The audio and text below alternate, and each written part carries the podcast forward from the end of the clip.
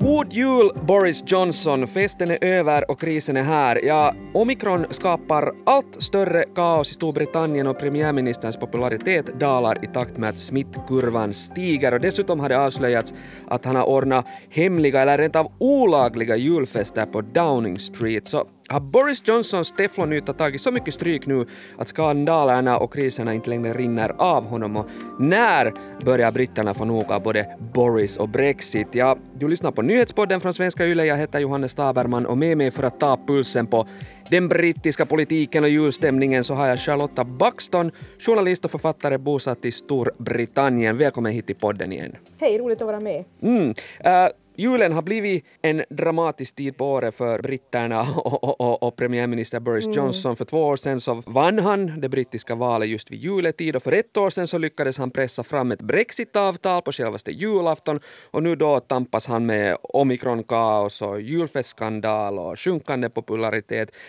Hurdan julstämning råder det nu där i Storbritannien med bara en vecka kvar till julen skulle du säga? Ja, alltså det är ju ganska dystert igen i år och det måste man ju säga om i fjol att då så svepte den här alfavarianten av, av coronavirus över landet och det där julen ställdes ju in i fjol och alla satt hemma och kunde inte träffa familj och vänner. Och nu undrar ju britterna om det kommer att bli så igen i år för nu har vi omikron här och antalet fall ökar enormt kraftigt. Alltså mm. i, igår så testade 90 000 positiva för coronaviruset och, och regeringens rådgivare så säger att, att vi, det kan vara frågan om en miljon fall per dag i slutet av december så att väldigt många julfester ställs in. Eh, bara bland vänner och bekanta så vet jag att, att många liksom bara väljer att hålla sig hemma för att inte, inte smittas helt enkelt före, före julen så att det känns oroväckande den där smittan finns eh, överallt där ute just nu. Just nu har ju politikerna eh, fatta beslut att inte stänga ner. Däremot så finns det ganska många medicinska experter och så här som nu säger, uttalar sig till medierna här och säger att de, om, om läget inte blir bättre och det ser inte ut som det skulle bli bättre eftersom smittspridningen är så hög så väntas eventuellt en nedstängning i, i januari eftersom man måste, de, de måste göra det för att, att skydda hälsovården från att kollapsa. Jag menar, håller Storbritannien på att bli liksom ett land som, som stänger ner eller drabbas av politiskt drama nu varje jul? Eller liksom den nya brittiska jultraditionen? Ja. No, jag skulle ju hoppas att det inte är så, men mm. det där, de här senaste två åren så har det ju varit på det sättet. Boris Johnson, så förtroende för honom har ju sjunkit rejält på grund av en massa olika skandaler så det är väldigt svårt för honom nu att, att införa en nedstängning. Eh, hans egna parlamentariker skulle också rösta emot honom i så fall eftersom de konservativa är väldigt eh, negativt inställda till, till, till nya nedstängningar. Mm. Så att just nu så håller ju landet öppet. Eh, det är bara upp till britterna själva att bestämma hur de gör. Men, men menar, hur ser det ut där? Jag vet inte om du har själv vågat dig ut i julrusningen den senaste tiden, men jag menar, ser det på något sätt normalt ut där eller, eller håller Nej, folk sig verkligen tomt. hemma? det är folktomt. Det är det, ja. Det är folktomt överallt, ja. Men är liksom julfirande liksom helt, och julaktiviteter helt liksom förbjudna där eller? Nej, ingenting är förbjudet. Det, de enda reglerna som finns här just nu, Boris Johnsons så kallade plan B, är att folk uppmanas att arbeta hemifrån och sen uppmanas man att använda munskydd igen på allmänna platser och på kommunaltransport. Det är allt. Och sen har de röst, just röstat för att införa vaccinpass i bland annat nattklubbar och sådana större liksom, ställen. Så att annars får man fortsätta leva som förut men många har ju då fattat sina egna beslut. No, no, no, utöver liksom den här stora pandemipressen så, så, så är det här ju också den första så kallade liksom Brexit-julen. Och det har ju talats om att Storbritannien ja. kommer att få problem med import av varor och så här men märks det på något sätt tydligt nu på butikshyllorna inför jul att det skulle råda någon brist på varor där? Jo, det märks nog och det har ju egentligen märkts under hela hösten redan, under slutet av sommaren så började det bli brist på varor. Så det där, jag märker att det är svårt att få tag på vissa livsmedel. Um, typ vadå? Nu inför julen så uh, ris bland annat, Aha. olika rismärken. Uh, pastan är slut ibland. -huh. Flaskvatten var slut en tid och, och, och, länge har ju också tabloiderna varnat och upp, britterna uppmanat dem att köpa julklappar Eh, redan på hösten eftersom det kan bli brist på, på leksaker och sånt här inför julen. Det har jag själv inte faktiskt märkt av. No, många upplever säkert så här julstress eh, nu i, i, dessa tider och, och, Boris Johnson upplever kanske lite mer än bara julstress utan en verklig sån här politisk press nu inför jul. Och det, det är ju liksom intressant det här att när vi två skulle hitta en, en passlig tidpunkt för att banda det här poddavsnittet så, så då konstaterar vi att det var lite Mm. utmanande på grund av våra vardagspussel med små barn och Boris Johnson lär ju också nu ha händerna fulla där hemma för han har blivit pappa Mm. igen. För hur många gången är det riktigt? Man vet ju inte helt säkert. Jag Nähä. tror, vad är det de säger, att det är sju, sju barn officiellt. Jaha. Men, eh, men det råder lite oklarheter kring hur många det är exakt. Det var det fyra med hans exfru, två med hans nya fru Carrie och ett med en älskarinna. Så vad blir det? Fyra, fem, sex, sju? Ja, officiellt. Men, men jag tänker att det här betyder väl också att han inte lär ha lika mycket tid att ordna julfester som i fjol och det är kanske lika Ja. så bra för att det har ju nyligen avslöjats att Boris Johnson har ordnat hemliga och rent av olagliga julfester i sin residens på Downing Street för ett år sedan då Storbritannien stängde ner på grund av då det förvärrade äh, läget. Hur, hur stor uppståndelse har det här avslöjandet väckt där?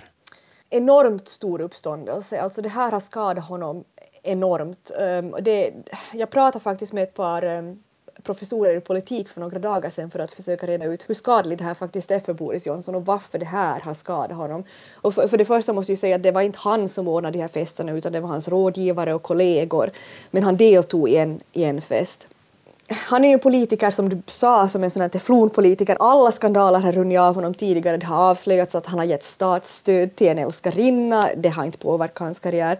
Det råder en massa oklarheter kring vem som betalar för renoveringen av 10 Downing Street. Det har hittills inte haft någon inverkan på honom. Han ljuger regelbundet och, och ändå har folk röstat på honom.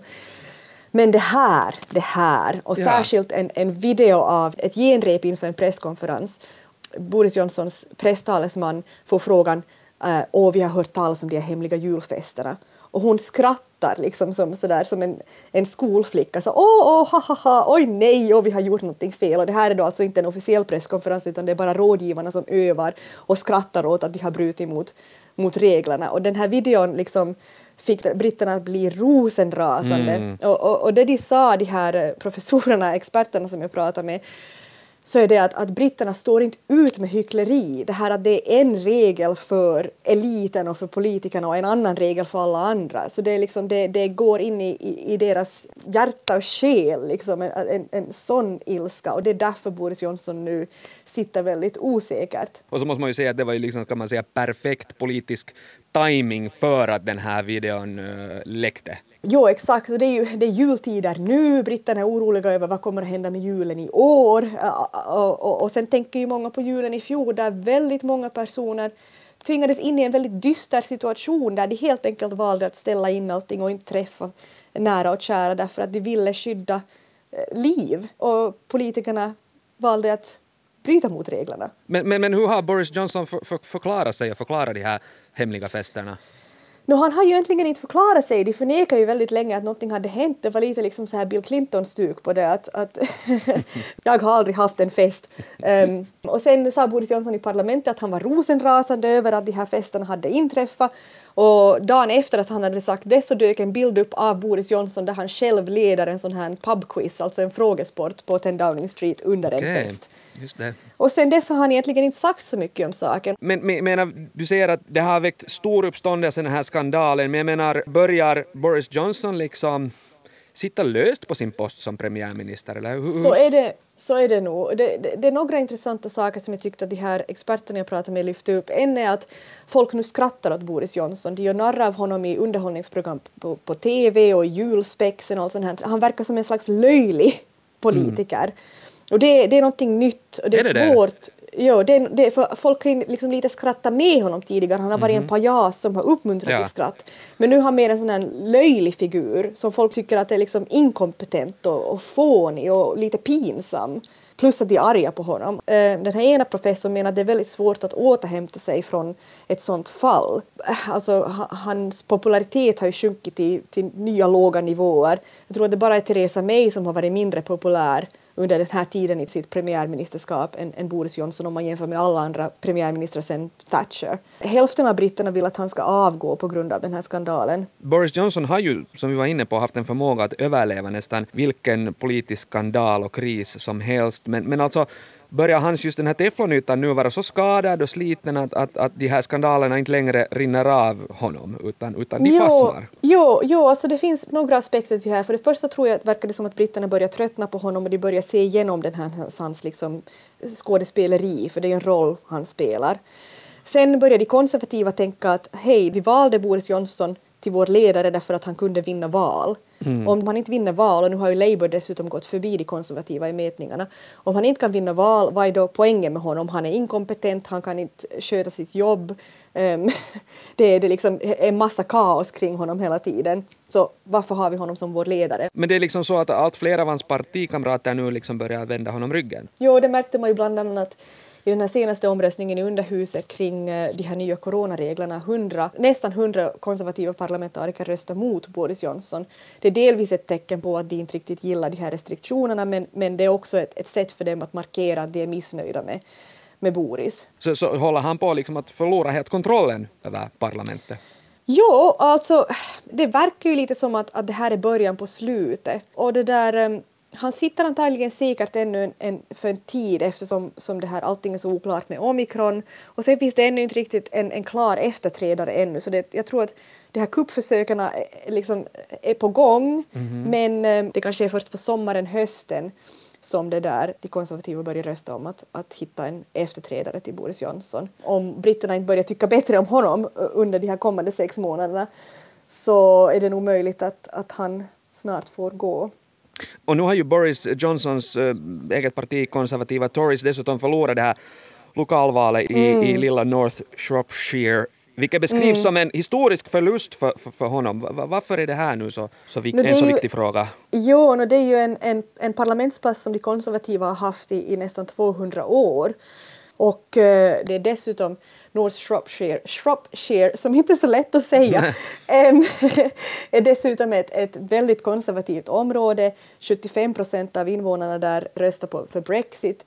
Det är liksom en landsbygdsområde med, med få högutbildade invånare. Så det är ett sådant område som både traditionellt men också liksom hur man ser på befolkningen just nu skulle ha röstat för, på de konservativa.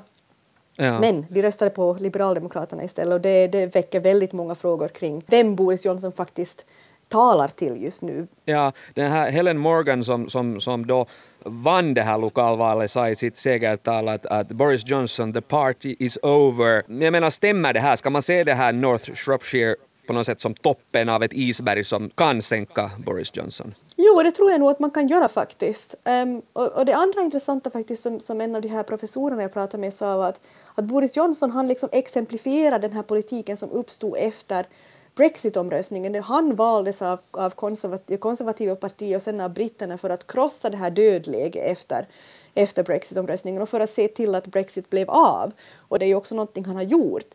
Men nu är Brexit över, det är inte någonting britterna tänker på så hemskt mycket mera. Plus att, att den här pandemin är liksom överallt. Och, och jag tror att britterna nu börjar söka efter en ny ledare och ett nytt sorts ledarskap. Så börjar Boris Johnsons kris nu vara så djup att det krävs ett mirakel på julafton för att han ska klara av att sitta kvar. Vad säger du? No, man vet ju aldrig med Boris Johnson, alltså han har ju överlevt enormt många skandaler och hans karisma är sån att han har klarat väldigt många kriser. Men um, det ser nog ganska dystert ut just nu. Spännande tider, vi får se hur det går. Tack Charlotta Baxton för att du var med här i nyhetspodden igen och ut det här. Tack själv. Jag heter Johannes Taberman, fortsätt lyssna på oss.